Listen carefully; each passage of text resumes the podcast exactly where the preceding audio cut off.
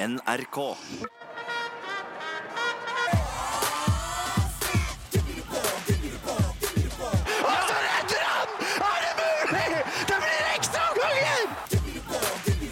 Timeout. En håndballpodkast fra NRK Sport. Sikringen har gått! Alt er tomt! NRK Sport. Ah, hallo og snart god jul. Nå er det lov å si det, for det nærmer seg jul med stormskritt. Og da er det mange tradisjoner som følger med. Det er julebord, det er julebukk, det er julemat, det er julemusikk. Ja, kanskje til og med alle på en gang. Eh, det fins veldig mange forskjellige tradisjoner der ute, men én tradisjon for mange i førjulstiden, det får de faktisk ikke oppleve i år.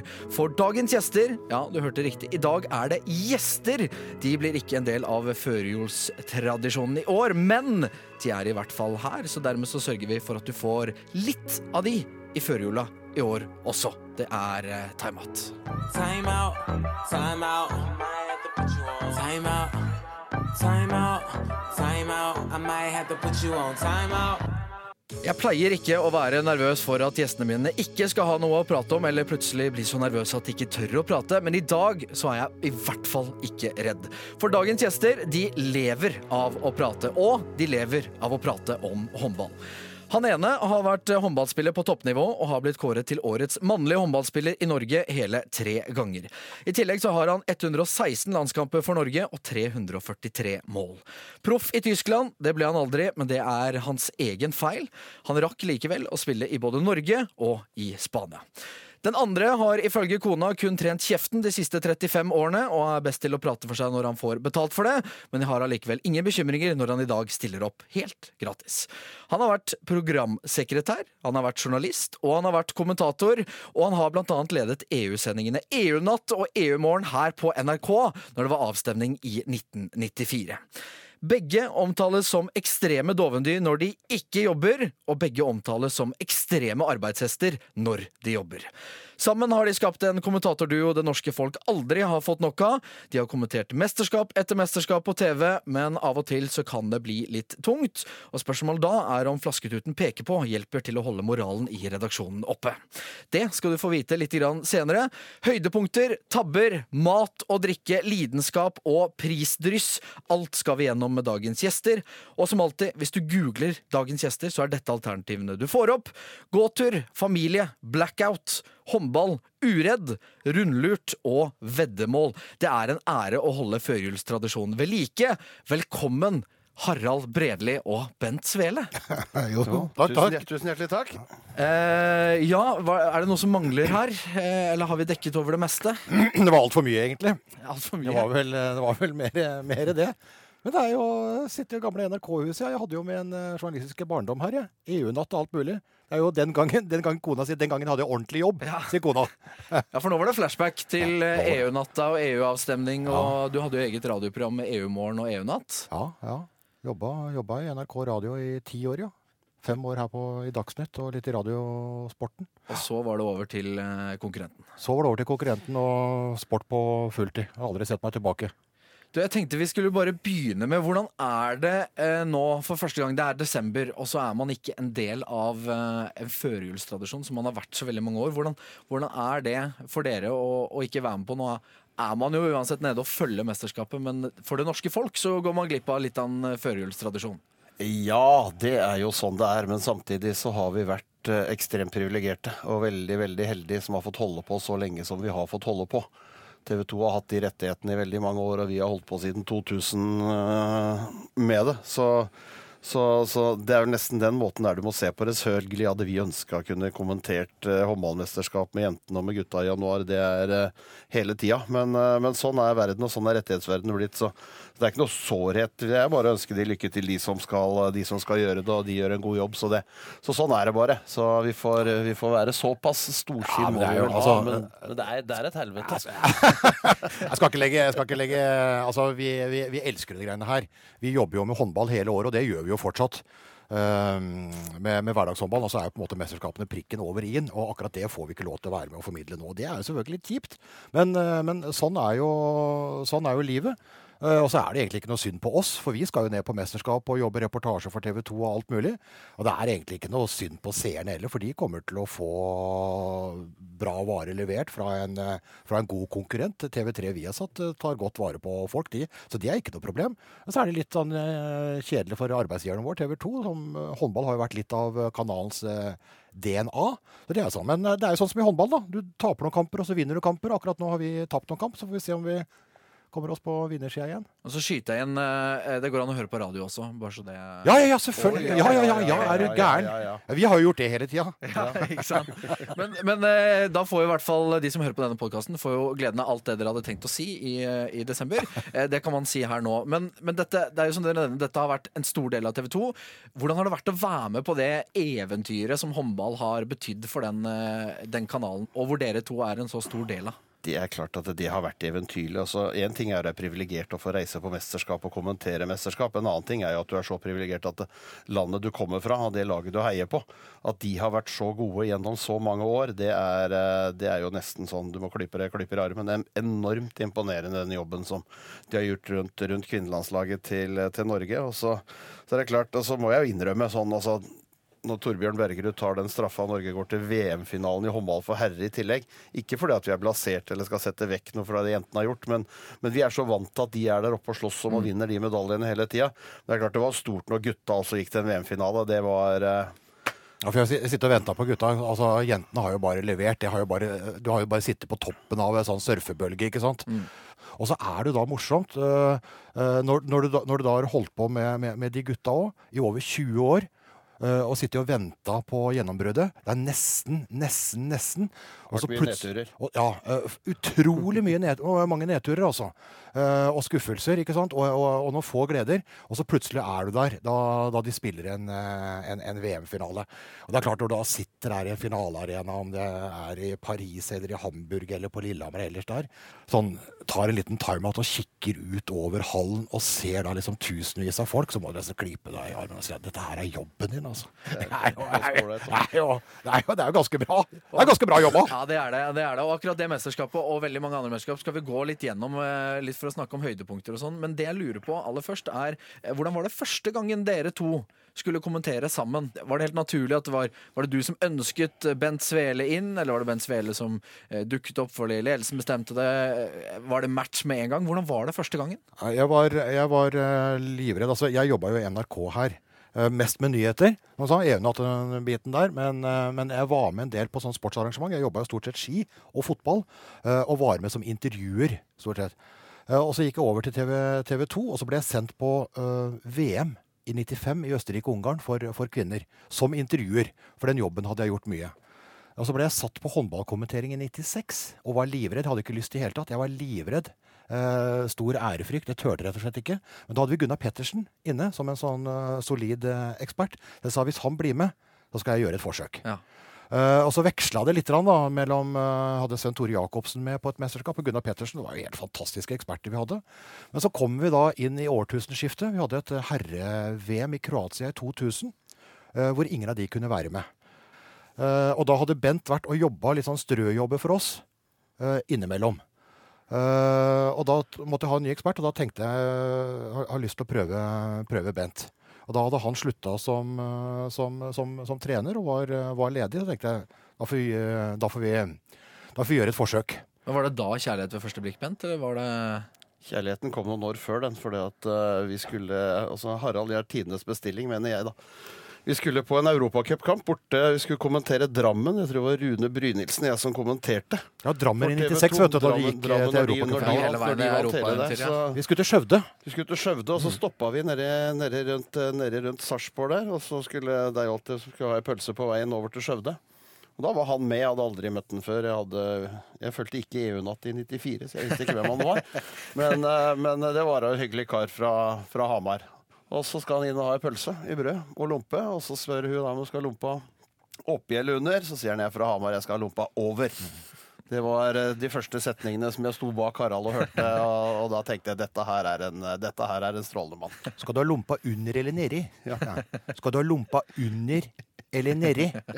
Ja. Altså, er helt, den skal ligge over! Det er ikke noe tvil om at lompa skal over på en spesial. Hæ? Ja, verden. Vi skal eh, snart eh, ta det som jeg har kalt et dypdykk. Da skal vi gå eh, litt langt tilbake i tid på dere begge to. Men først så har jeg eh, lyst til å eh, hylle deg litt, grann, Harald. Eh, du har jo levd et langt liv i håndballen og i media. Og så skjønner jeg at for ikke så altfor lenge siden Jeg vet at du er helt fantastisk for det, på å holde taler, for det sier alle. Men for ikke så lenge siden så mottok du TV 2s ærespris, hvor du ble stemt fram av kollegaene i bedriften.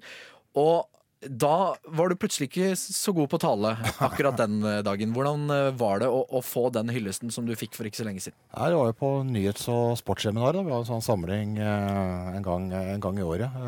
Hvor det da deles ut en del sånne priser for årets beste reportasje og årets beste ditt og datt og alt mulig. Og så er det en sånn ærespris der. Det kom totalt overraskende. Det er ikke så ofte jeg har hatt tid til å være med på de tinga, for det er jo sånn rett før mesterskap og sånn. Så som regel så er jeg på, på jobb da, men akkurat nå så fikk jeg det til. Kom jo rett fra landskamp med håndballgutta oppe i, opp i Stjørdal. Nei, jeg ble faktisk litt, eh, litt satt ut. Uh, og så ble jeg um, veldig veldig rørt, for da står du på et podium så ser du utover alle gode kolleger som du har. Så da ble jeg nesten litt rørt, så jeg begynte, begynte nesten å grine. Ja, det- jeg, jeg, sleit, jeg sleit litt med, med, med ordet. Altså, jeg, altså, jeg mista jo ikke munn og mæle. Altså, det skjer ikke. Men det var ikke langt unna. Nei, for jeg skjønner også at eh, De hadde jo gjort klar konfetti og alt sammen eh, for å hylle deg etter at du hadde holdt din tallet, men på et tidspunkt her så, så tok følelsen overhånd. Så når konfettien gikk ut, så gikk den eh, over en tom scene, for da hadde Harald allerede Ja, de er jo de er jo vant med at jeg prater i, prater i to ganger 30, ikke sant? Og her nøyde jeg meg med to ganger 30 sekunder. Så jeg var jo av podiet før, eh, før, de, før de trodde. Men en vel fortjent pris, og eh, i løpet av neste time så skal du rett og slett høre hvorfor det er fortjent. For eh, nå skal vi ta et lite dypdykk inn i disse gutta sin håndballhistorie. Time out, time out. Time out, time out, time out. I might have to put you on time out. Eh, Bent, vi kan begynne litt med deg, for det, du er jo den eneste av dere to som har vært en aktiv håndballspiller. Et, et, Har- Harald falt jo for volleyballen tidlig, han, vet du. ja, Det har vært det med eh, han. Du har jo eh, spilt på landskamper, du har spilt eh, i mange forskjellige klubber, du har vært trener, du har vært en del av håndballmiljøet veldig lenge. Men eh, du begynte jo Uredd, som på en måte er kanskje den klubben som eh, fortsatt ligger litt eh, nærmest ditt hjerte. Du, du bor jo fortsatt eh, i, nede i eh, Eller har familie, da, eh, fortsatt nede i grenlandsområdet. Eh, hvordan var den Uredd-tiden eh, og håndballen på, eh, på den tiden? Nei, det var, eh, det var jo altså, du, du husker jo det da som med mange av de beste minnene du har fra idrettslivet ditt. Det, det, ligger, jo, det ligger jo der. Og det begynte jo strengt tatt så begynte det i Holmestrand, og så gikk jeg siste året på Og så spilte jeg et år for Nøtterøy. Rykka ned fra nivå to til nivå tre, og da var Madsen på tråden sammen med en del andre. Eh, og så falt jeg egentlig litt for hans tanker og hadde samla en gjeng med unge gutter i, unge gutter i Porsgrunn som eh, var opptatt av, opptatt av å trene. Og det tiltalte meg egentlig, så, så derfor så blei det uredd. Og det, var, eh, og det angrer jeg jo ikke på et sekund. Det blei fra nivå to. Vi rykka ikke opp det første året, vi rykka opp året etterpå. Og, og derifra etter det så, så blei det en, en epoke som eh, i den perioden ikke vi så oss tilbake i det hele tatt, egentlig. Det bare, det bare, det bare balla på. Det ble, det ble sagt for de som var i Uredhallen at eh, når Bent Svele kom inn eh, på parketten, så kom kassa først, og så kom huet. Eh, ja, men det var viktig, sånn sett, for å psyke ut, psyke ut de andre. Det var, gikk, gikk ei stund før huet kom. Fordi du var eh, relativt godt eh, trent. Og Allerede, allerede den gangen, ja. allerede, Allerede, allerede den gangen var jeg relativt godt trent. Tror Du sånn sett var, du var heldig med noen gener som gjorde at du hadde en kropp som var mulig å, mulig å trene litt opp. Og så, og, så, og så var jeg ganske flink en periode fra jeg var 17-18-19. Da, da var jeg egentlig mye i den bua. Etter, etter det så var det veldig mye vedlikehold, egentlig. Og så er det en litt morsom link i Uredd-tiden. For eh, når du har, var der og på en måte var en av stjernene, så er det en relativt nå kjent fotballtrener som også trente med Uredd. Pingle. Ja, vi, Hvem snakker vi om? Da snakker vi om Ronny Deila. Ja, For det er det ikke eh, mange som vet at han spilte litt sammen med deg på Ja, men Det har jeg sagt den hele tida. Det sa jeg senest den for ikke så lenge siden. At det er, altså, det er håndballen han burde valgt. Hadde han kommet nå, nei. Ja, hvordan var han som håndballspiller? Nei, altså Han var slepen og, slepen og tek, altså teknisk, og så, han jo, så var han jo heldig. da altså De kom jo alt, alle de, alle de som da hiver med den feil, eh, feil arm. Så er jo på en måte motstanden helt annerledes for å komme, komme deg i veien. Men, men Ronny, var, altså Ronny var et håndballtalent, eller han var et idrettstalent. Og det, det er ingen tvil om. Og så valgte han fotballen, og det er klart eh, når du har vært manager, i Celtic og, og står rundt nå, så har, så har han greid seg ganske bra, han også, uten, uten håndballen. Men, eh, men eh, han hadde kommet langt i håndball, og det er jeg helt sikker på. Han kunne vært håndball, altså Deila kunne vært håndballspiller, vet du, og, og Bent kunne vært fotballspiller. Ikke sant? Det er de der idrettstalentene som kunne vært uh, gode. Men det er ganske pussig å tenke på at Ronny Deila hadde Bent som forbilde da han vokste opp uh, på Grenland. Ja, Han hadde det som forbilde, og så var han også livredd eh, på en av de første treningene dette han snakket om i Heia fotball-episoden, hvor han er gjest. Hvor altså eh, han skal få ballen av Han skal kaste til trener, få ballen tilbake, og så får han beskjed om at han, han skal bare gå forbi Bent Svele. Det er på en måte oppgaven. Han gjorde ikke det. Nei, for det eneste han sier, er at du slo ut armene, og da var det som et sånt vindkast. Som bare sto imot han. Det var umulig å komme forbi. Ja, var liten og lett. Så det var, så var det litt viktig, da. Altså det, det, er jo, altså det er jo alltid hierarki, enten det er i håndballklubb eller fotballklubb eller hva det er. Og det er klart, når det kommer opp noen egg, som vi kalte dem, så, så, så, så må vi Så jo deilig å kunne melde det der. så må vi jo kunne si fra at det her altså det er ikke bare å komme her, vrikke på ræva løpe gjennom. Liksom. Så da, da er det om å gjøre å få, få satt og altså få trøkt til litt ordentlig. Og det, det gjorde jo med alle de, alle de unge som kom opp. Det, det er det, men det er klart det er ekstra moro med Ronny da i dag. Så Og så kan jeg tenke deg, eh, Da vi var på vårt første mesterskap sammen, da for da hadde jeg opplevd den VM-suksessen med Gunnar Pettersen i 99. ikke sant? Altså Fire ekstraomganger, helt fantastisk. Og så første mesterskapet vårt, så er det faktisk Sverige mot Russland i VM-finalen i Kroatia. Fire ekstraomganger der også. Det var vår finaledebut. Og på banketten etter det mesterskapet så dukker var vi på bankett. Eh, Dukker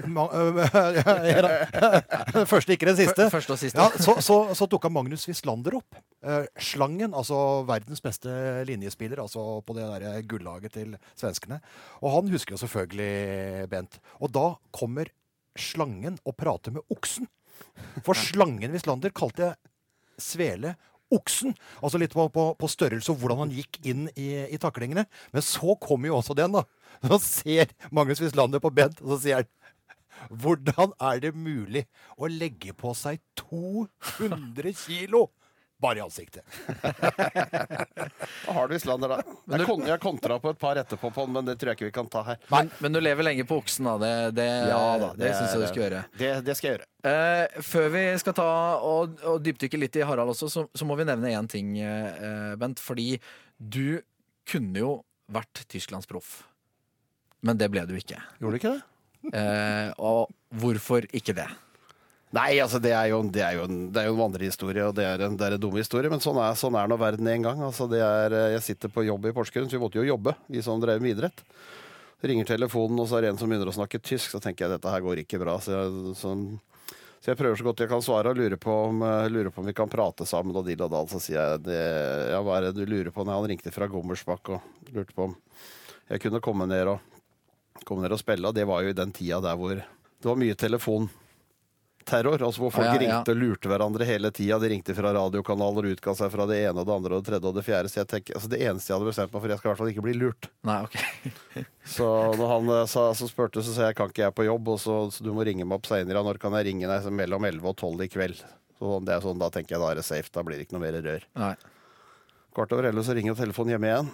Samme mann, gir seg ikke. tenker jeg Hvor seint jobber de i radioen, tenkte du? Eh, ja, altså en god, god kompis av meg i Oslo, som vi var helt sikre på var hva som, som holdt på. Så jeg, altså, man har lurt meg jeg ville komme ned da, til Gommersbakk og se på forholda og, og kunne diskutere kontrakt og de tinga der. Så, så tok jeg jo den som Heine Brandt spurte Rune Erland om nesten hver eneste uke. Og så åssen fyr er han svele? Eh, for jeg sa hvis du skal snakke med meg, så må du komme hit. Å, å hei sann! Det er så deilig. tok den. Ja, den, er, den var, jeg, altså, jeg følte meg så jævla fornøyd da jeg tok den, liksom. Og så, og så ringte jeg til han kompisen min på formiddagen etterpå. Og så nesten, sa jeg, men, men nice try.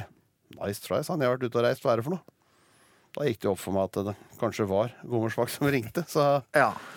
Så, så sånn var det. Ja, for det endte jo opp med at det gikk på nestemann på lista, eh, Rune Erland, som dro jo Rune dro. til Gommersbakk. Og etter hva jeg skjønner, så eh, har jo han i senere tid eh, fått bygd seg en hytte som han kaller for Casa Svele. fordi det er eh, pengene som Svele skulle hatt, som har betalt for den hytta. Ja, men Rune, er- Rune er en god gutt og en god kompis, sånn at, så jeg unner han alt godt på det.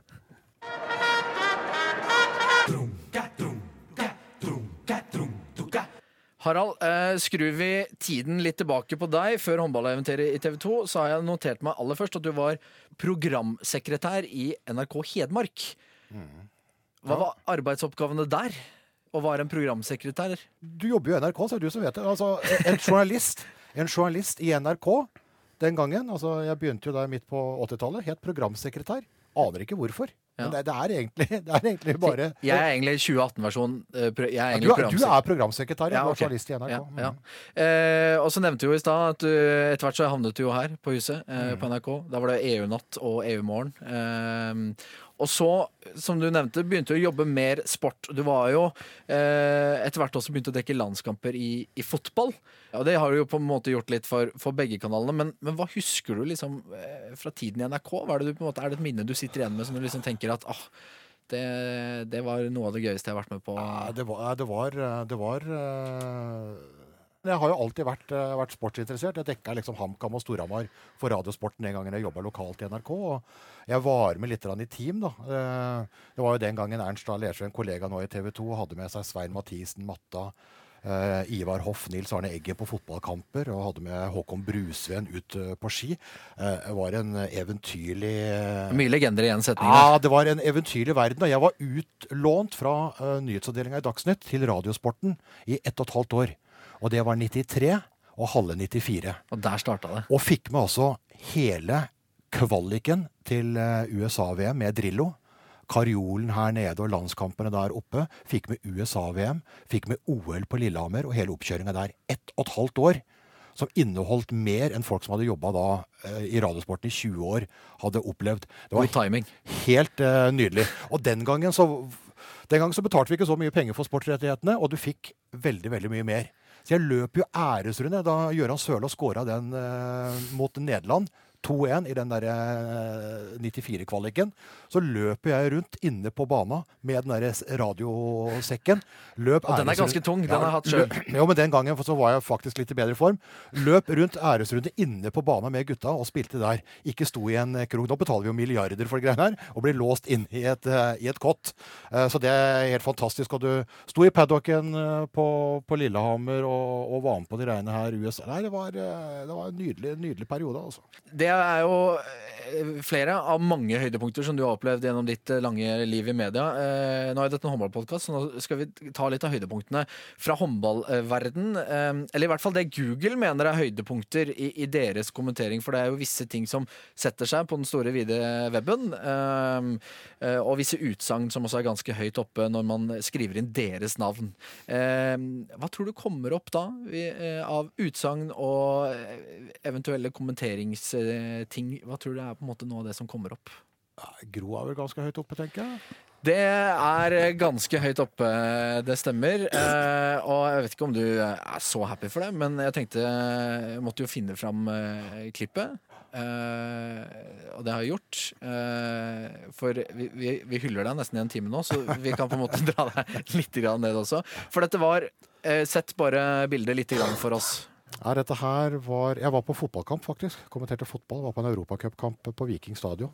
Uh, Og så var det pause. Ja, Uh, Gro Hammerseng hadde ødelagt kneet sitt dagen i forveien. Jeg hadde prata.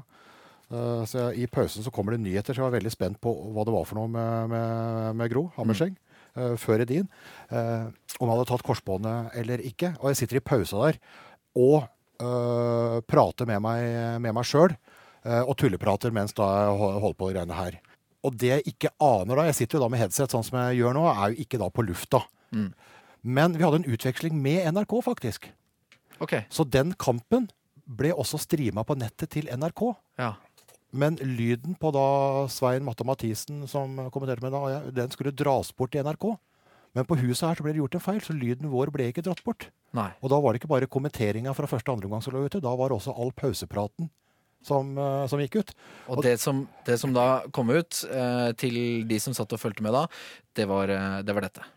Har vi, ha, har vi lyd på nyhetene?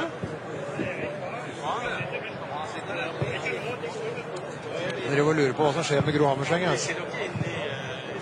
Flotteste, flotteste lesba på Toten. Det er fra TV 2 Sebra. Vi ringer rundt til lytterne og lurer på om de er fornøyd med sendinga så langt.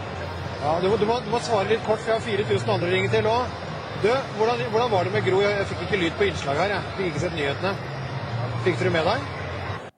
Flotteste lesba fra Toten eh, gikk altså ut. Eh, hvordan er det å høre dette igjen, og hvordan var det oppstyret som da kom etterpå eh, i kjølvannet? Nei, nå, nå lever jeg jo greit med det, fordi at uh, Gro Hammerseng Edin tok det jo på en veldig sporty måte.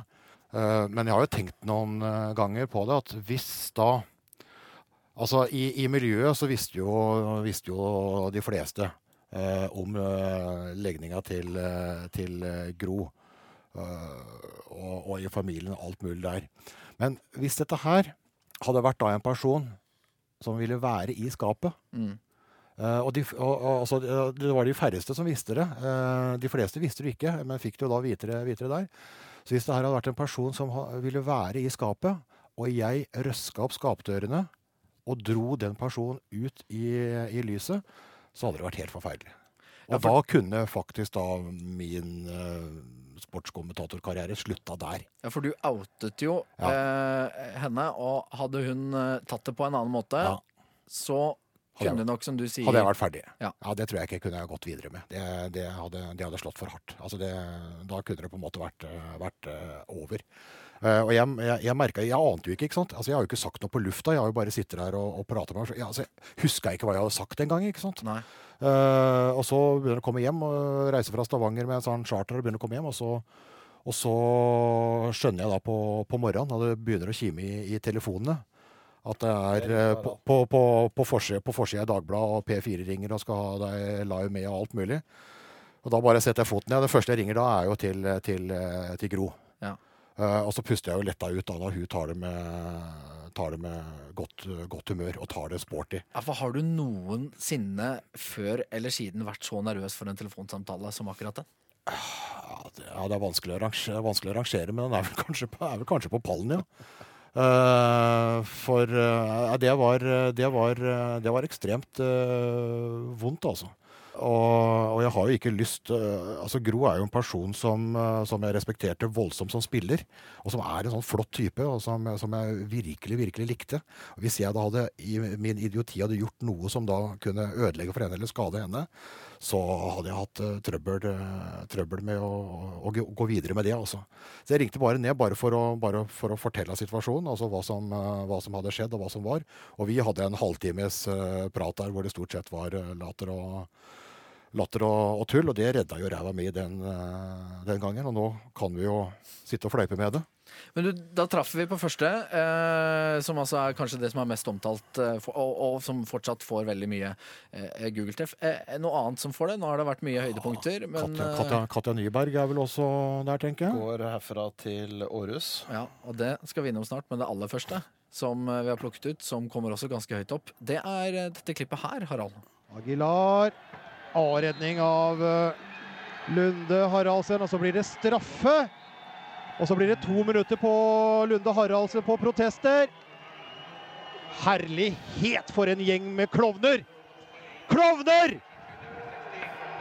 En bronsefinale med to klovner. Klovnene skal komme for å sette prikken over i-en i et sirkus, ikke i en håndballkamp! Ja, det var en real utblåsning, eh, som fortsatt også er ganske tilgjengelig og har ganske mange views, som man sier på, på internett. Eh, for her var, her var du smått irritert over dommerne. Ja, Bronsefinalen i Kina-VM i 2009. Eh, Internasjonale håndballforbundet setter opp to dommere fra Sør-Amerika.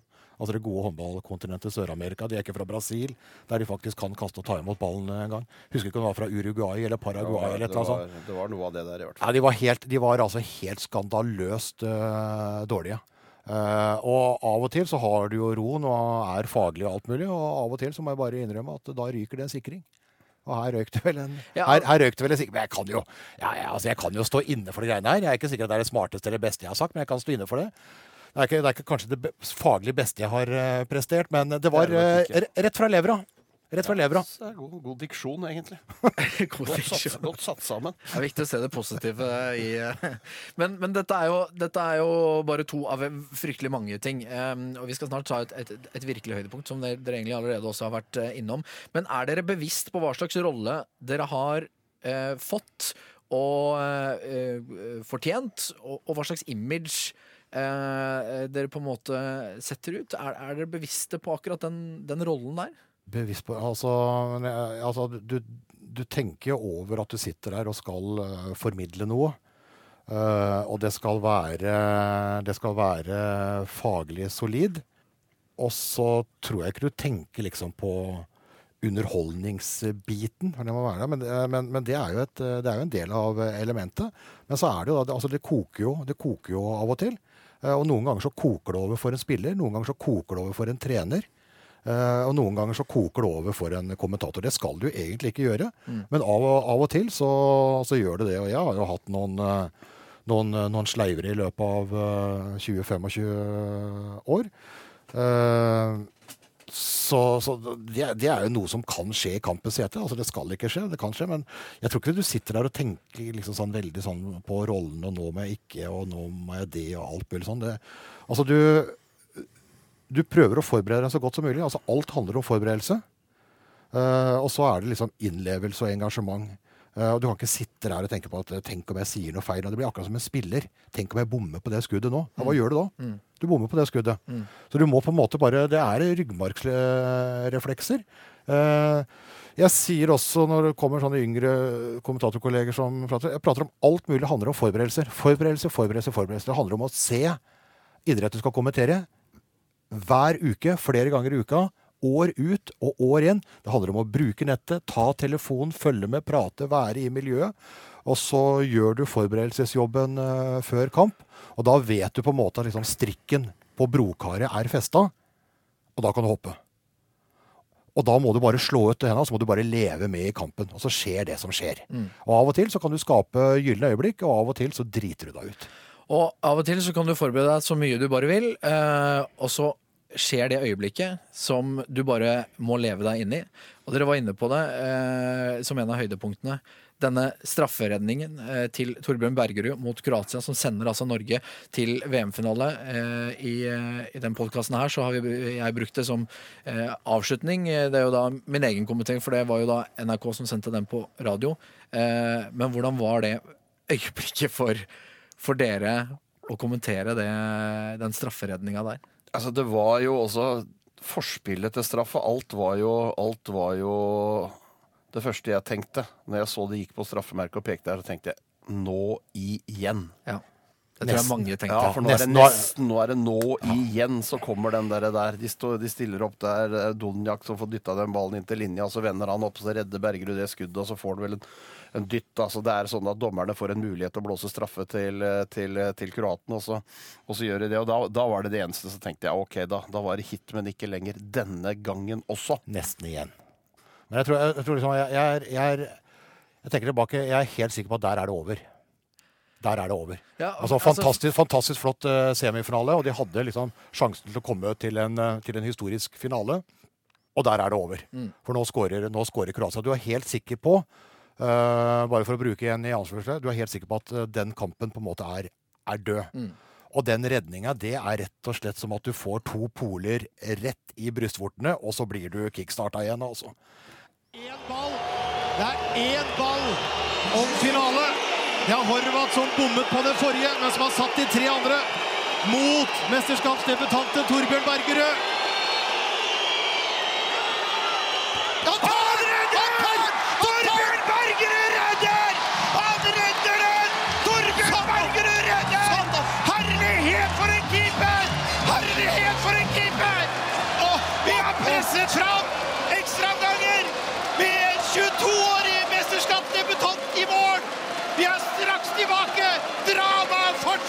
puts it down.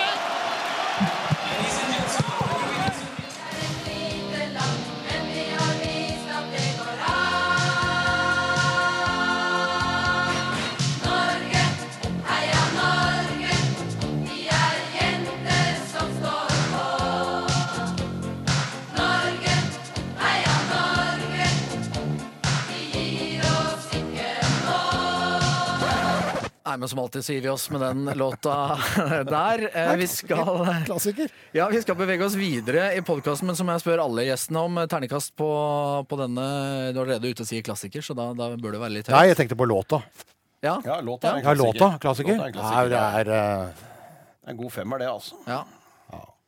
Sterk femmer. Ja, sterk, er- Sterk femmer. Ja, tenderer faktisk til en sekser. Eh, Vi eh, håper jo i denne podkasten at eh, med alle gjestene som vi har, at eh, man skal kanskje høre noe som man ikke har hørt før, og også høre de gamle historiene igjen, selvfølgelig, de klassikerne.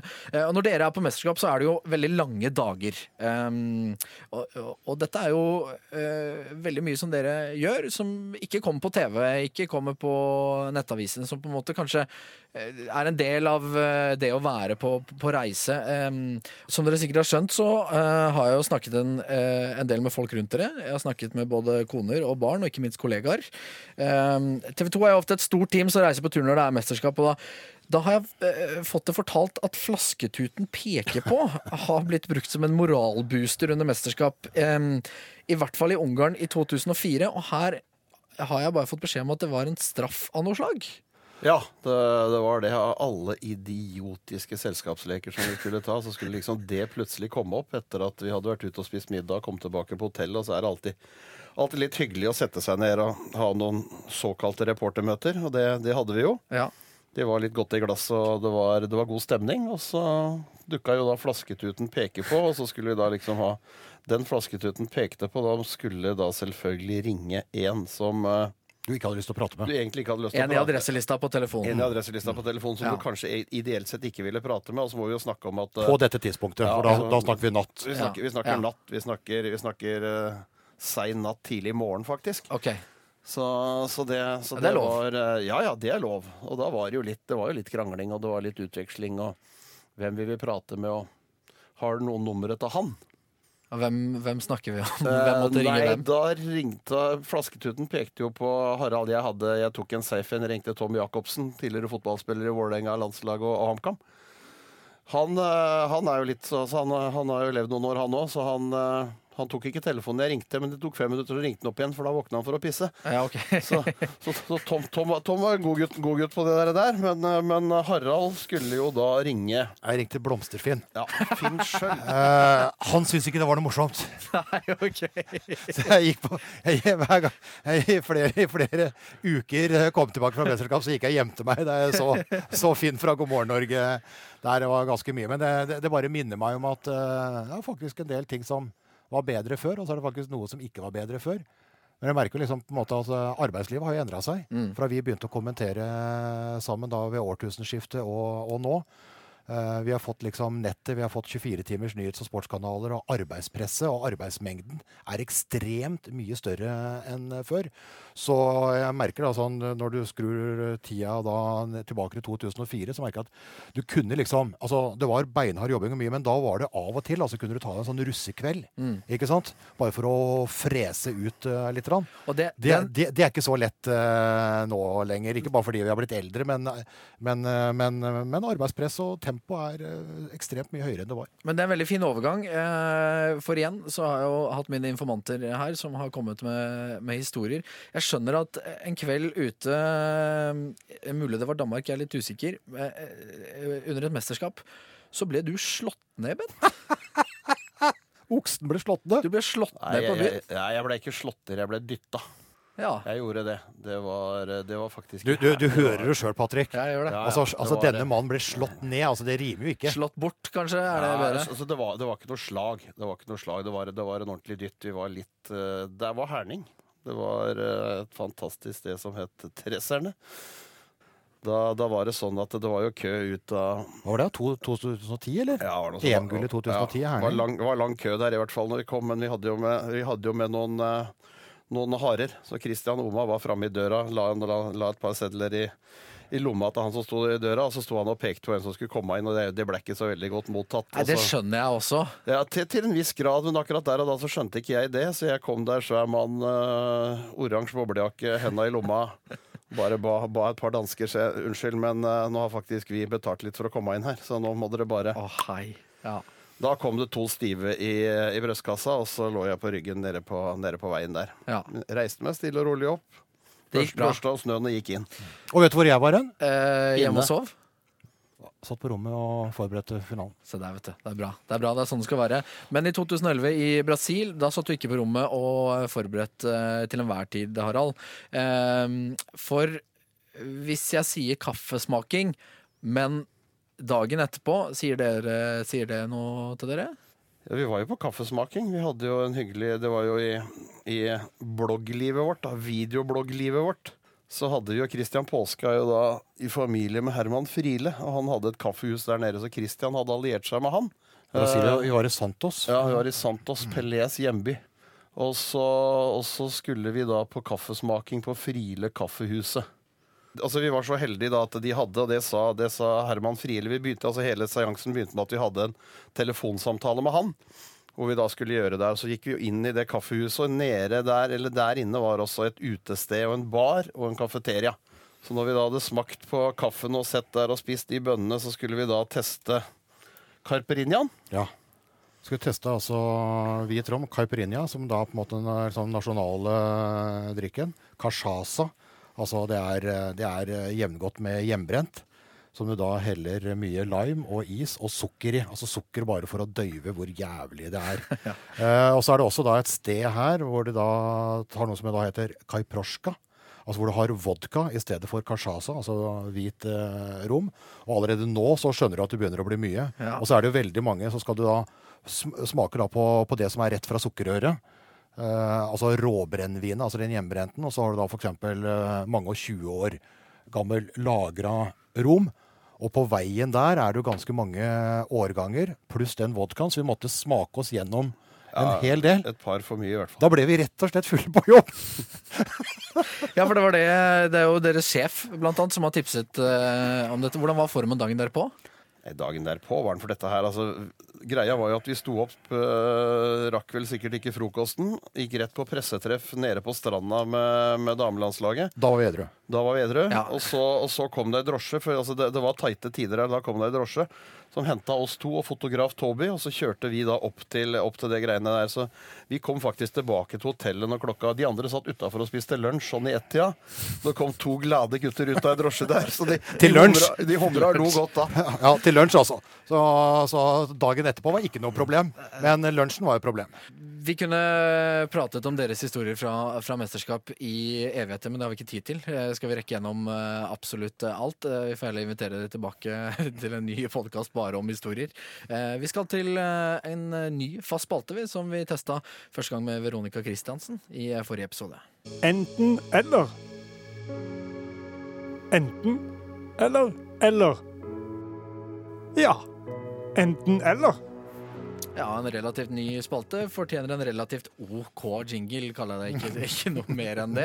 Eh, men det er altså enten eller. Eh, Dere må velge én av disse dilemmaene som eh, kommer opp. Og da har vi noen som er myntet litt på dere, men også noen som rett og slett bare er ja, helt generelle dilemmaer. Så vi kan bare begynne, så kan bare en av dere svare når dere har lyst. Være sammen med hverandre 24 timer i døgnet hver dag, litt sånn som siamesiske tvillinger, og få kommentere sammen resten av karrieren, eller aldri kommentere sammen igjen. Ja, det første, uten tvil. Ja, ja, Ja, ja, definitivt. ja, ja. For det orker dere? Ja, ja, ja. Ja, det er ja, ja. Får aldri nok av Bent. Det er ikke noe fare. Ok. Eh, miste hjerneforbindelsen som 63-åring, eller miste mobil- og internettforbindelsen fra og med i dag? Det er mobil og internett fra og med i dag. Jeg hadde gitt fra meg den umiddelbart for å beholde hjernen, ja. Her er det Selv om, det enkle. ikke er, selv om det i utgangspunktet eh, en del mener at det ikke er så veldig mye å beholde, eh, men så, er- så rangerer jeg den foran mobilen, Det er fortsatt fasttelefon å få, få så det er mulig. Det er mulig ja internett, er, internett kan være en døgnflue. Så Så, Er det fasttelefon ennå? Jeg har et arkiv som er to meter høyt, så jeg tror jeg skulle greid å finne ut det meste om de fleste. okay. Så skulle gått inn og ja, kommentert. dette er lett. Aldri få lov til å se en håndballkamp igjen, eller aldri mer sove en maks halvannen time hver natt. Ja, det siste hadde du dødd av. Det første hadde du overlevd på. Ja, Da får du altså aldri se håndball igjen. Nei, Ja, men det er bedre enn å dø. Ja, det er bedre, det er- altså, det er bedre, det er bedre, å- det er bedre å leve uten håndball enn å dø med. Og så eh, tar vi dere Å, det var fint sagt. Eh, da tar vi det siste dilemmaet, som også er litt eh, som Veronica fikk. Eh, aldri høre musikk igjen. Eller få lov til å høre musikk igjen, men eh, da høre Tore Tang av Camilla Herrem eh, hver eneste dag. Jeg hadde ikke hatt noe problem med Tore, Tang og Tore Camilla hører Herrem. På, på ferie så hører jeg på Tore Tang hver dag, ja, sånn sett. Så, det, så jeg lever godt med Tore Tang, jeg. Det var som Camilla sa, nasjonen er kanskje litt splitta. Hun er kanskje ikke superglad i låta sjøl, men som Veronica sa, eh, det er egentlig ikke den verste sangstemmen. Jeg tåler, eh, Ja, ja, ja. tåler det nye. Ja, ja, ja. Gjør det. Eh, da skal vi ta eh, litt lytterspørsmål som vi har fått inn eh, fra de som fulgte med på NRK sin Instagram når vi la ut et bilde av dere.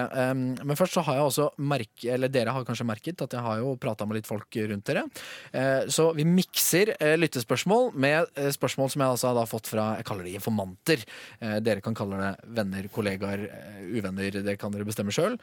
Jeg beskrev dere i introen som øh, hardtarbeidende når dere jobber, og dovendyr når dere ikke jobber. Eh, vil dere si at det stemmer? Altså, vi, er, vi er jo håndballredaksjonen i TV 2. To mann. Og vi har, altså, vi har kontinuerlig døgnvakt. fordi at eh, jeg legger meg litt seint, men ikke i nærheten av Harald. Sånn at uh, så, så Og står opp sånn til normal tid, egentlig. Det gjør ikke Harald. Men det har blitt sagt her at på fridager så er det for Bent sin del slåbrok og tøfler, og for Harald sin del den eneste treninga du tar, er den ene situpen når du står opp om morgenen. Det er din sønn som har nevnt. Ja, det er, nok, eh, det er nok riktig. Men jeg er jo, altså, kona kaller meg for Norges største tenåring. ja, ok. Eh, fordi at med, med åra så er det jo slik at du ofte eh, står opp tidligere og tidligere. Men jeg kan sove til lunsj uten problemer. Jeg liker å være oppe om, om kvelden, gjerne litt på natta. Liker å sove om eh, morgenen. Uh, kan ligge og dra meg i senga. Jeg syns det er helt uh, nydelig. Og så er det Går viktig det at an å si det? Det er lov Ja, det ja. Jeg sa jo ikke det andre, som hadde vært uh, verre. Men, eh, men eh, det hadde kanskje vært litt Men, men, eh, nei, men vi, eh, en er såpass eh, mye på jobb, og en er såpass mye på.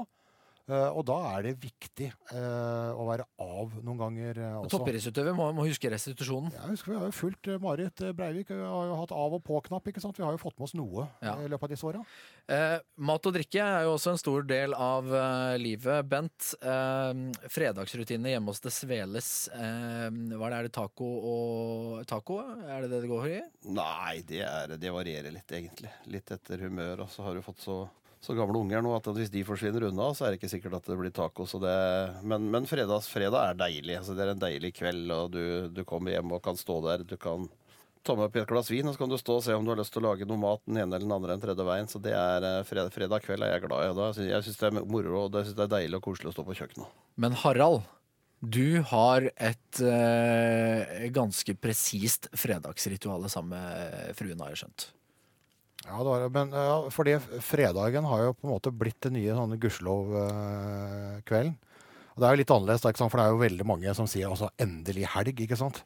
Litt vanskelig å si det som sportsjournalist, da, for det er jo Ja. veldig ofte ute i helgen. ikke sant? Så det er mye, mye jobbing på lørdager og, og søndager og alt mulig. Du har veldig mye kveldsjobbing, så du er jo veldig på utur sammenligna med, med ganske mange andre yrker med ordna arbeidstid. Eh, Men, eh, men fredagskvelden, da, hvis det ikke er borte, da, eh, på tur, så er det, så er det ofte, ofte den kvelden det er ganske, ganske lite sport. Ja, Men jeg skjønner, jeg skjønner at det er et visst eh, sted som maten skal hentes på. Ja, nei, en viss ja, type mat. ja, ja, altså, jeg, jeg, jeg er glad i pizza, da. Eh, og jeg syns at fredagspizza er bedre enn uh, fredagstaco. altså fredagsbiff, for den saks skyld. Der er vi enige, Ja, det er klart. Eller fredagsgåselever, altså for all, for all del. Eh, bor tross alt på Ullern. Så, så det, er, det, er, det er mange muligheter. Men, men jeg er veldig glad i pizza, så vi henter ofte, da. eh, eh, sønnen og, og jeg kunne ha spist eh, pizza hver fredag. Kunne spist pizza hver dag. Eh, familien er ikke like begeistra, så det er ikke, det er ikke det. Men jeg stikker ned på en sånn sjappe uh, ned på, ned på Sankthanshaugen. Og eh, makedonere som driver en pizzasjappe der, de lager liksom akkurat den italienske pizzaen som er eh, Ja, for det er, ganske, det er fast rituale. Det er liksom alltid ja. samme stedet. ja, ja. Ja. Det er fast, eh, altså Hvis du finner et sted som lager akkurat det du vil ha, Ja. Skal du da jobbe livet av deg for å finne et annet sted? Det er litt som Bent. eh, Finner du Bent, så hold fast han. Ja, ja, ja. Ja. ja. Og så finner du noe bra, så må du klamre deg fast til eh, det. Det er på en måte viktig. Så, så er du veldig ofte, ofte nede på Sankthanshaugen der og bak eh, bortenfor Bislett der og henter, henter en fredagspizza. ja. Men Harald, hvor skal James Bond-bildet henge? Uh, ja, det er en nyanskaffelse, da.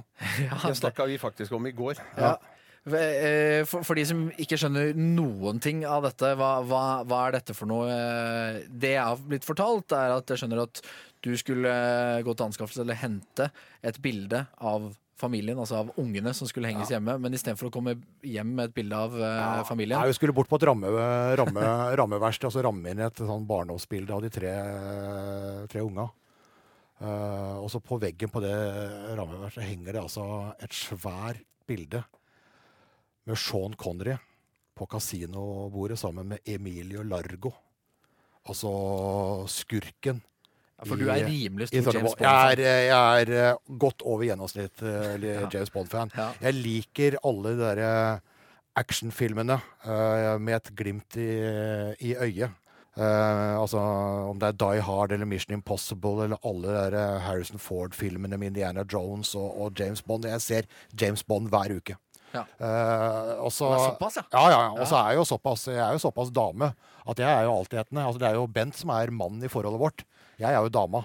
Uh, for det er for dere som ikke sitter i studio her nå, Bent gliser Ja. med hele Ja. det komplimentet. Så, så jeg er jo, jeg er jo, det er mye østrogen i kroppen, så barten er jo bare, bare kamuflasje. Så jeg ser jo gjerne Jeg, jeg kan sitte og sippe til en uh, romantisk komedie, og jeg. Ja. Uh, Love Actually, for eksempel, er jo førjulstradisjon eh, i, i vår familie. Sitter der og ler og griner uansett. Men, men, men, men James Bond er jo min, eh, min store helt. Så når jeg ser da på det rammeverkstedet et digert bilde av Sean Connery på kasino med, med, med Largo, så sier jeg den må hjem.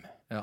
Den må hjem. Og jeg er faktisk ikke helt sikker på om jeg skal henge på kjøkkenet, der jeg har en ledig plass, eller ute i yttergangen. Ja. Akkurat nå henger den i kjellernedgangen, for der hadde jeg en krok. For jeg er ekstremt lite praktisk, så jeg hater jo å slå, inn en spiker. Da er jeg redd det ville fortsette. kommer til å henge. Ja, så, så det, men det henger, det prøvehenger der. Men jeg, jeg skal prøve James Bond på litt forskjellige steder eh, hjemme, for han har kommet for å bli. Det er Men, ingen tvil om. men jeg kan viderebringe en beskjed fra familien din. Eh, Det skal ikke henge på, på kjøkkenet, eh, for der eh, skal eh, julestrømpene og julekalenderne henge.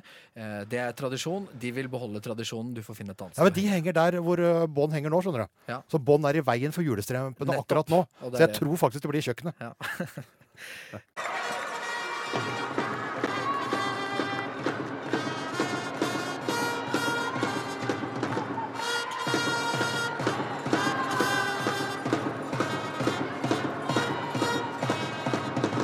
Amalie eh, har skrevet inn på Instagram og lurer på hva liker dere minst ved hverandre?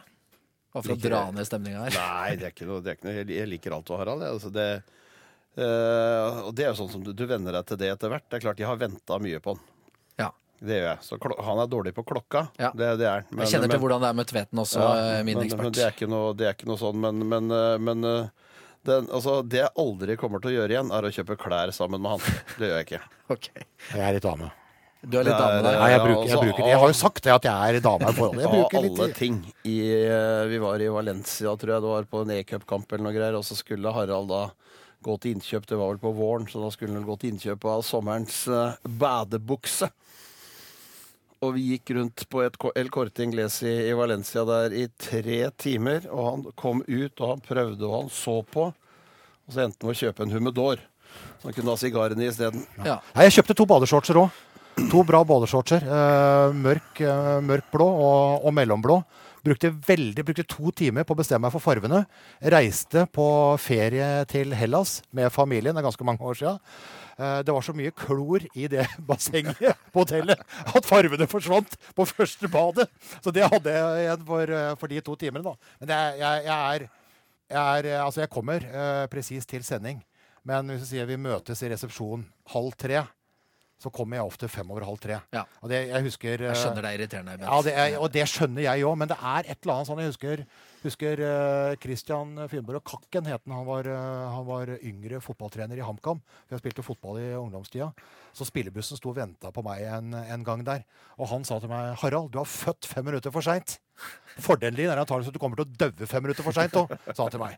Og jeg skjønner jo at det kan, eh, det kan plage andre, men, eh, men, eh, men det, det er Ja, jeg har en, jeg har en svakhet eh, der, altså. Men med Bent jeg kan ikke se noen særlig svakhet, svakheter. jeg. Det er koselig. Det er litt søtt. Det er ja, som altså, jeg- jeg- Hvis du er nødt for å virkelig tenke deg om i fem minutter, eh, dypt konsentrert, for å prøve å finne en feil hos en annen, så kan du bare gi opp. Ja. Og pass. Pass. Det føles som bare, tida flyr, og det er deilig. Det, her går praten lett. Og nå skal vi få høre eh, vår faste spalte igjen. Vi skal ha Min håndballfamilie.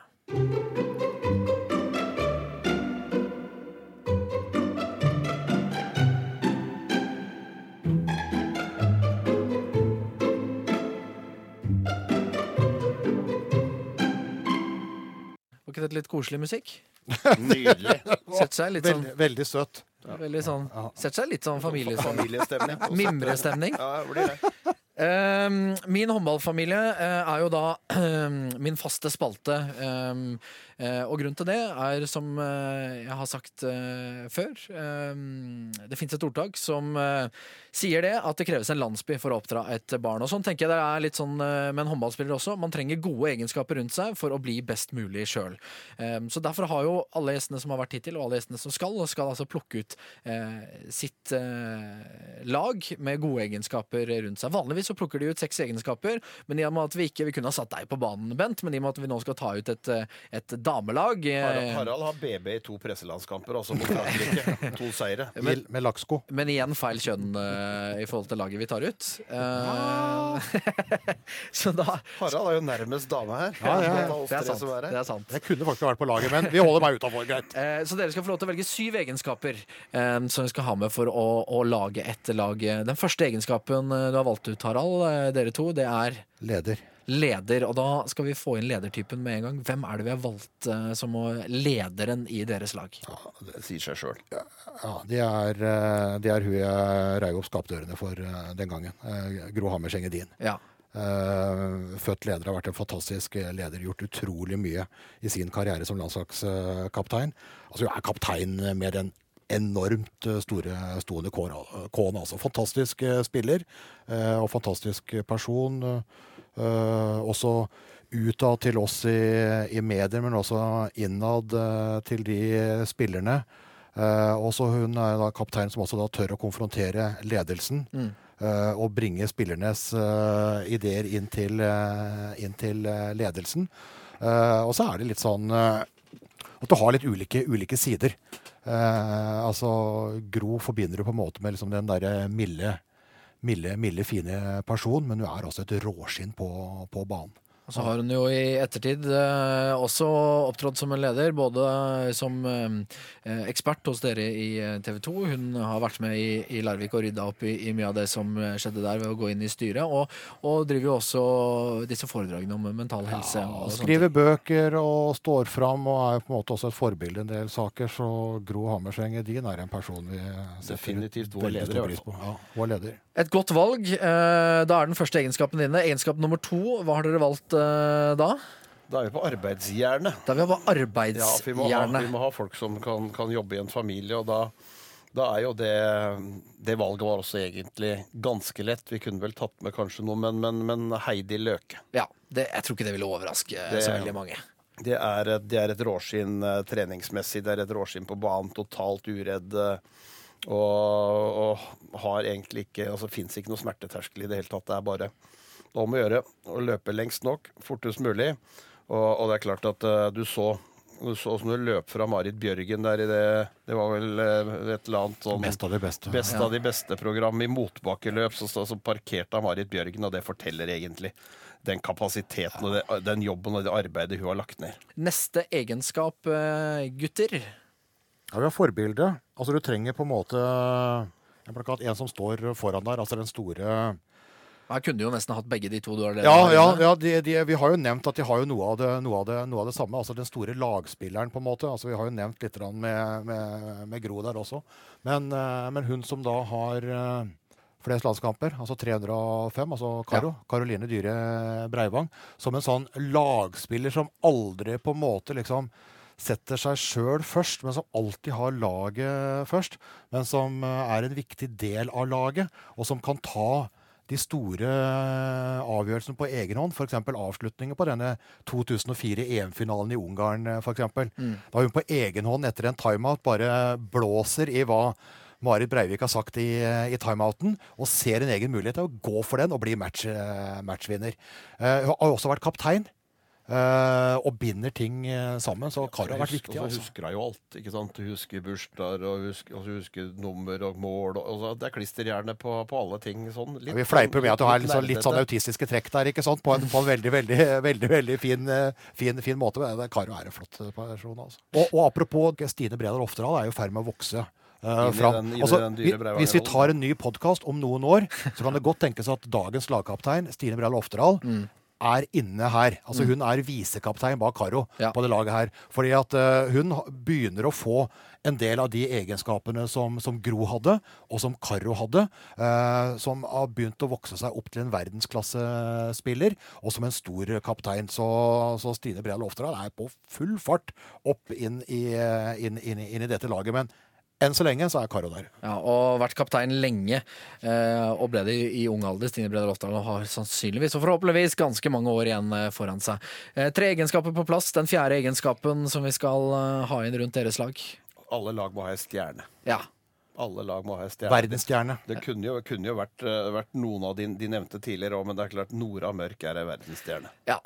Det, Det er Åssen du snur, vrir og vender på det. Altså, lever, ånder for håndballen, er, er har eh, altså, I utgangspunktet så skal det ikke være mulig å være, eh, være så liten, med all respekt, og kunne dominere en, en idrett med så mye fysikk som en bakspiller som det, som det Nora gjør. Men, Under 1,70. Verdens beste høyrebekk. Naturstridig. Ja, det er det. Og, men men det, er, altså, det, er, det er kruttønne. Det er fysisk kompakt. Det er et håndballhue som nesten ingen andre har. Skjønner, leser, ser.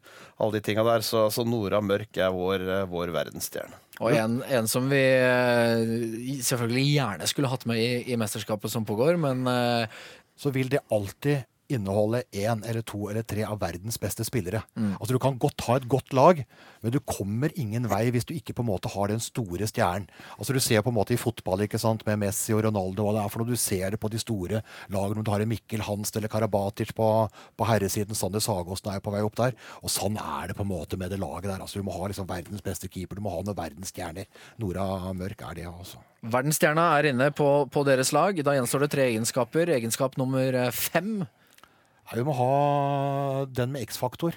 Ja. På sånn ja, det er smart. Det er bra å ha med. innad og utad. Det kan, det kan være mye. altså Det kan være på en måte energibomba eller humørsprederen eller den som bare har det der lille ekstra. Det er udefinerbare. Alt mulig. Og da har vi gått for Ja, det er en gammel Det er enkelt og greit. Mia Hundvin. Ja, selvsagt. Selvsagt. Eh, Det var X-faktor. Ja, var, eh, jeg, jeg husker da hun debuterte og kom inn på lageret her sammen med Else Marte Søre Lybekk og sånn på det første gullet i, i Nederland i 98.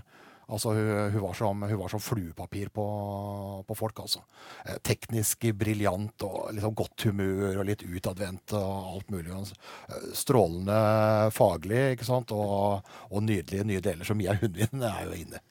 Og, og en eh, gammel er feil å si, men, men en litt, litt gammel helt i forhold til resten av laget, som fortsatt er aktive. Så det er deilig å på en måte få med flere generasjoner her. Egenskap nummer seks. Kødd. Kødden. Laget må ha en kødd. Ja, den som er eh, Altså den, ja, ja, Den som står opp, den som kjefter, den som smeller, den som ikke er fornøyd, den som jager de andre hele tida. ja, Og den som er kjip å møte for, for motstanderne også. Det er deilig egenskap. Ja, det skal ikke være, skal ikke være kødd i eget lag, men den som er, tar den rollen Ja. for, eh, for laget, og så kan være kødden for, eh, for motstanderen. Og Dette er et kompliment. Hvem er kødden på Det er, deres det er et kompliment, ja. Eh, Det er Kjersti Grini. Det er Kjersti Grini. Ja, ja, som, som var en verdensstjerne i sin tid. Og apropos sånn på laget, Det hadde ikke gått med dagens regel, da, men det var jo Sydney under bronsefinalen der. Eh, X-faktoren, Mia Hundvin, har akkurat hoppa inn fra venstrekanten og gitt Norge ett måls ledelse eh, sekunder før slutt mot Sør-Korea i den bronsefinalen. Eh, Sør-Korea har ett angrep, 15 sekunder, på å utligne og få ekstraomganger. Den som står opp og kliner en sørkoreaner, altså ikke, ikke sånn som han uh, Bent ble tatt i, i, i, i nattklubbkø i Danmark i sin tid, men som bare står opp og stopper den sørkoreaneren på, på midten, får en to minutter og går bare glisende til benken, og Norge tar den uh, OL-bronsen. Uh, altså de, den som står opp i tillegg, så det er ingen som har scora over 1000 mål for landslaget. Det gjorde Kjersti Grini. Ja. Hun var en eh, verdensener i sin eh, posisjon. eh, og er en i gåseøyne, altså en positiv kødd som ethvert lag må ha. Dere får ikke bare kødden din, dere får jo målskårer også. Um, Den syvende da, og siste egenskapen for å fullføre første syveren i eh, dette laget, Bent. Fryktløse, den uredde. Den uredde. Ja, og hvis du, hvis du er fryktløs og uredd når du, når du driver med håndball, så står du i mål. Ja, ja det vil jeg si. Det, det, det syns vi i hvert fall, og da, da er det umulig å komme utenom uh, Cecilie Leganger. Selvsagt. Eh, kanskje, og så kan vi stryke kanskje den beste keeperen Norge har uh, hatt, eller? Nå er det, jo, det er jo ganske vanskelig å velge der. For vi har, Ja, vi vi, har, jo, vi har jo en i, eh, vi har jo en nå som, som står i det norske målet, Katrine Lunde. eh, som, eh, som er veldig, veldig nær. Men det er et eller annet, eh, apropos X-faktor-greiene og alt mulig, jeg tror aldri jeg har sett en keeper uh, som har trent på den måten, og som har stått i mål på den måten som Cecilie Ganger. Forut, der- forut for sin tid. ja, men det Står der jo veldig, veldig som en herremålvakt, herremålvakt, egentlig. ja, og ekstremt eksplosiv, uh, ikke sant? Og som eh, har hatt en karriere hvor han slår gjennom midt i, i tenåra.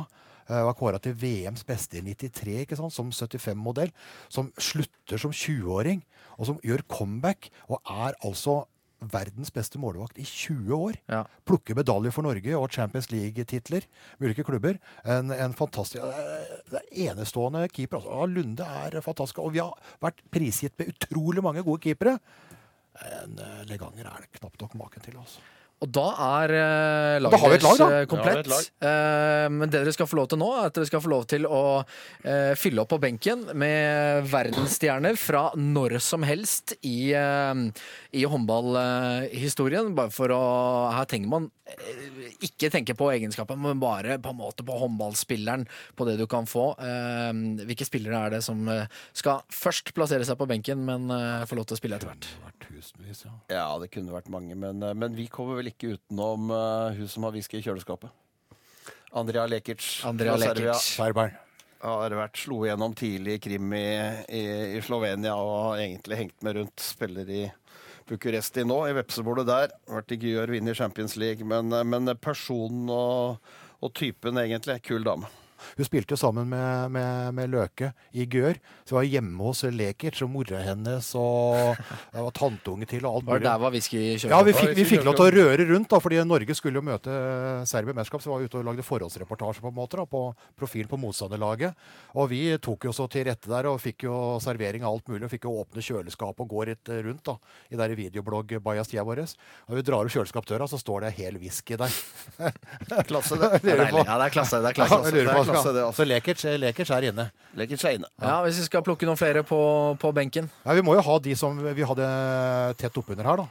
Vi må jo ha Stine Bredal Oftedal. Ja, og Veronica Christiansen må jo på, må jo på, benken, eh, må jo på benken her. Mm. Uh, I og med at vi var såpass tett, eh, tett under. Og da er det egentlig Ja. bare, ifølge de uskrevne reglene som jeg da har eh, satt opp, det er egentlig bare én spiller til du får lov til å ha med. Du får bare lov til å ha fire på benken her. Av alle tusen. Da blir det Men den gjengen her, Ja, de, de det- trenger Nei, det er jo vi kan Kanskje jo- litt overraskende, men det blir Randi Gustad. Det gjør nok det. Ja. Ja. God kollega og d- Denne gjengen trenger rett og slett en, eh, en, eh, en jurist. Ja. Vi trenger en god advokat. Trenger noen til å eh, holde litt folk i tøllene. Ja.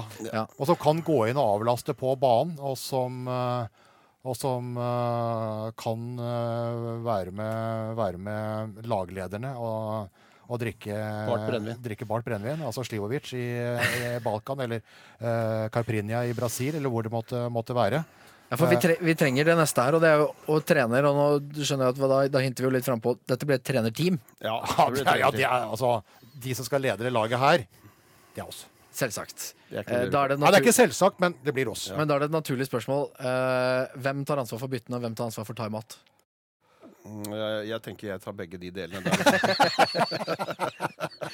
Jeg syns det er et godt Jeg er enig. Jeg er enig. Jeg, er enig. Eh, jeg tar, øh, jeg tar ordner Harald, lunsj og middag. Harald ordner eh, hvite duker og restaurantbestillinger. Det, det ordner han. Da gjenstår det bare én ting. Vi trenger eh, et lagnavn på denne herlige buketten. Eh, Hva skal eh, barnet hete? Hva skal laget hete? The Fab Seven. The Fab Seven. Vi går for det. Eh, Jeg kan, eh, Det gode norske navnet, ja. ja, jeg, men jeg kan garantere at eh, det, det er ikke det dårligste lagnavnet vi har hatt hittil. ja det, det var, ikke, var ikke helt The Fab Seven. Ja, det er, det er tross alt Ben som er hovedleder her. Ja. Eh, The Fab Seven også. Uh, for en bukett med spillere det blir. Dette er et lag som kommer til å klare seg ganske godt ute i den store, vide verden, vil jeg tro. Em, da nærmer vi oss eh, farlig nær eh, slutten. Eh, da gjenstår egentlig bare et dilemma. Dere skal sende et dilemma videre, men først har dere fått et dilemma. Litt sånn snodig og kanskje litt, småflaut å faktisk lese om, men det kommer fra Veronica Christiansen. Så dere får svare hver for dere. Hun lurer på vil dere alltid fise høyt i offentligheten eller alltid rape høylytt før du hilser på folk. Ja, jeg, altså jeg har jo et prinsipp. Altså, jeg har ikke noe problem Nå trodde jeg du skulle si 'jeg har et problem'. Nei, eh, ja, det, det, kan, det, det, vil være de hjemme som mener det også. Men, eh, men, eh, men jeg, jeg har ikke noe problem med sånn rap og fis. Jeg syns nesten fis er bedre. Jeg har bare ett prinsipp, og det er at du skal ikke lure fisen i folk. Hva? Ja, du skal ikke lure fisen i folk. Altså, det er en del Du må stå for den. Ja, du, du, du, må, du må stå for den. for det er en del som sitter om du sitter i en tresete på fly, så bare letter de på Og så sender du ut den jævla stinkeren, Ja. og så gjør de ikke noe med det, og så blir alle mistenkt. Altså Hvis jeg på en måte bommer litt og slipper en fis, så bare strekker hånda i været og sier 'den er min'. Ja. Ja, Og, så, du må stå opp for det du gjør. Altså Raper du, så 'den er min'. Den fisen, den er min. Det var mye jeg trodde jeg skulle oppleve når jeg, jeg hørte på dere i ung alder. Eh, men, men å spille inn en podkast og Harald Brelli claimer sin egen fis, den, den hadde jeg ikke sett komme. Nei, men jeg synes det er jo, det er jo, det er jo naturlige, det er jo naturlige ting. Jeg tror jeg er på Det var, det var nys fra Bent. Bare så det var rett og slett en nys fra meg Ja, eller? vi går, men da går vi for den. Vi går for den. Ja, vi gjør det. Eh, da skal dere få lov til å sende et uh, dilemma videre. Det er uh, monsieur eh, Håvard Tveten som er uh, neste gjest. Hva skal han få lov til å bryne seg på? Tveten er litt over snittet jålete, er han ikke det? Sånn at, ja. Så han har i alle år vært veldig opptatt av det han har oppå hodet. Så, så vårt dilemma til Håvard er vel egentlig om han ville gått resten av livet skalla. Eller om han ville brukt den piggsveisen, det var vel fra mesterskapet i 2010 eller noe sånt, om han ville gått resten av livet med Den den. var ikke bra. Nei, det, det, det syns ikke vi. Vi får høre hva han syns sjøl, om han var fornøyd med det. Men det er et fint dilemma, eh, og det passer veldig fint for Håvard Tvedten. Da er vi ved veis ende. Utrolig flott og, Utrolig og nok, gøy å ha dere med. Har dere kost dere? Ja, veldig, veldig hyggelig. Veldig Så bra. Litt sånn trip down memory lane for dere også? Ja, ja, absolutt. Det er hyggelig, da. Dette er hyggelig. Ja, ja, absolutt. Sitte og skravle. Ja. Ja, sitte, sitte og skravle. Da gjenstår det egentlig bare én ting. Har dere en spesiell måte dere sier ha det på? Prekas. Snakkes. Prekas snakkes. Det var altså Harald Bredli og Bent uh, Svele. Og som så hør og bør, så syns jeg at uh, denne episoden den uh, skal avsluttes med øyeblikket med Bergerud, som vi har hatt før. Men denne gangen så, så syns jeg vi skal hylle Harald Bredli og Bent Svele. Vi tar deres versjon som avslutning i dag. Folkens, vi høres igjen om en uke. Da er det Håvard Tveten som er gjest. Unn deg litt av timeout i hverdagen. Én ball. Det er én ball om finale. Det er Horvath som bommet på det forrige, men som har satt de tre andre mot mesterskapsdebutante Torbjørn Bergerød. Ja,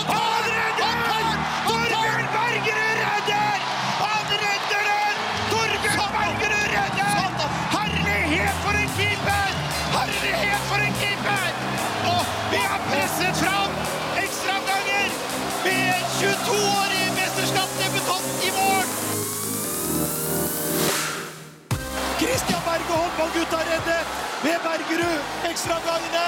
Det er halvminutt igjen. Norge leder med to. Vi er på full fart på VM-finalen. Jo da!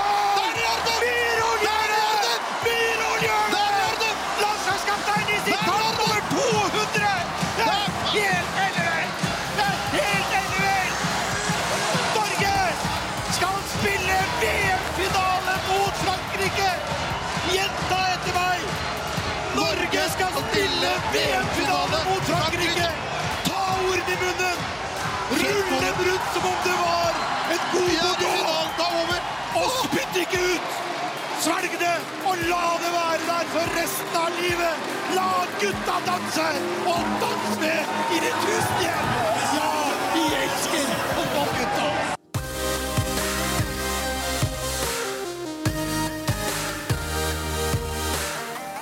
Timeout. Du får en eh, ny episode hver uke, og den eh, finner du på nrk.no podkast eller i iTunes. NRK Sport.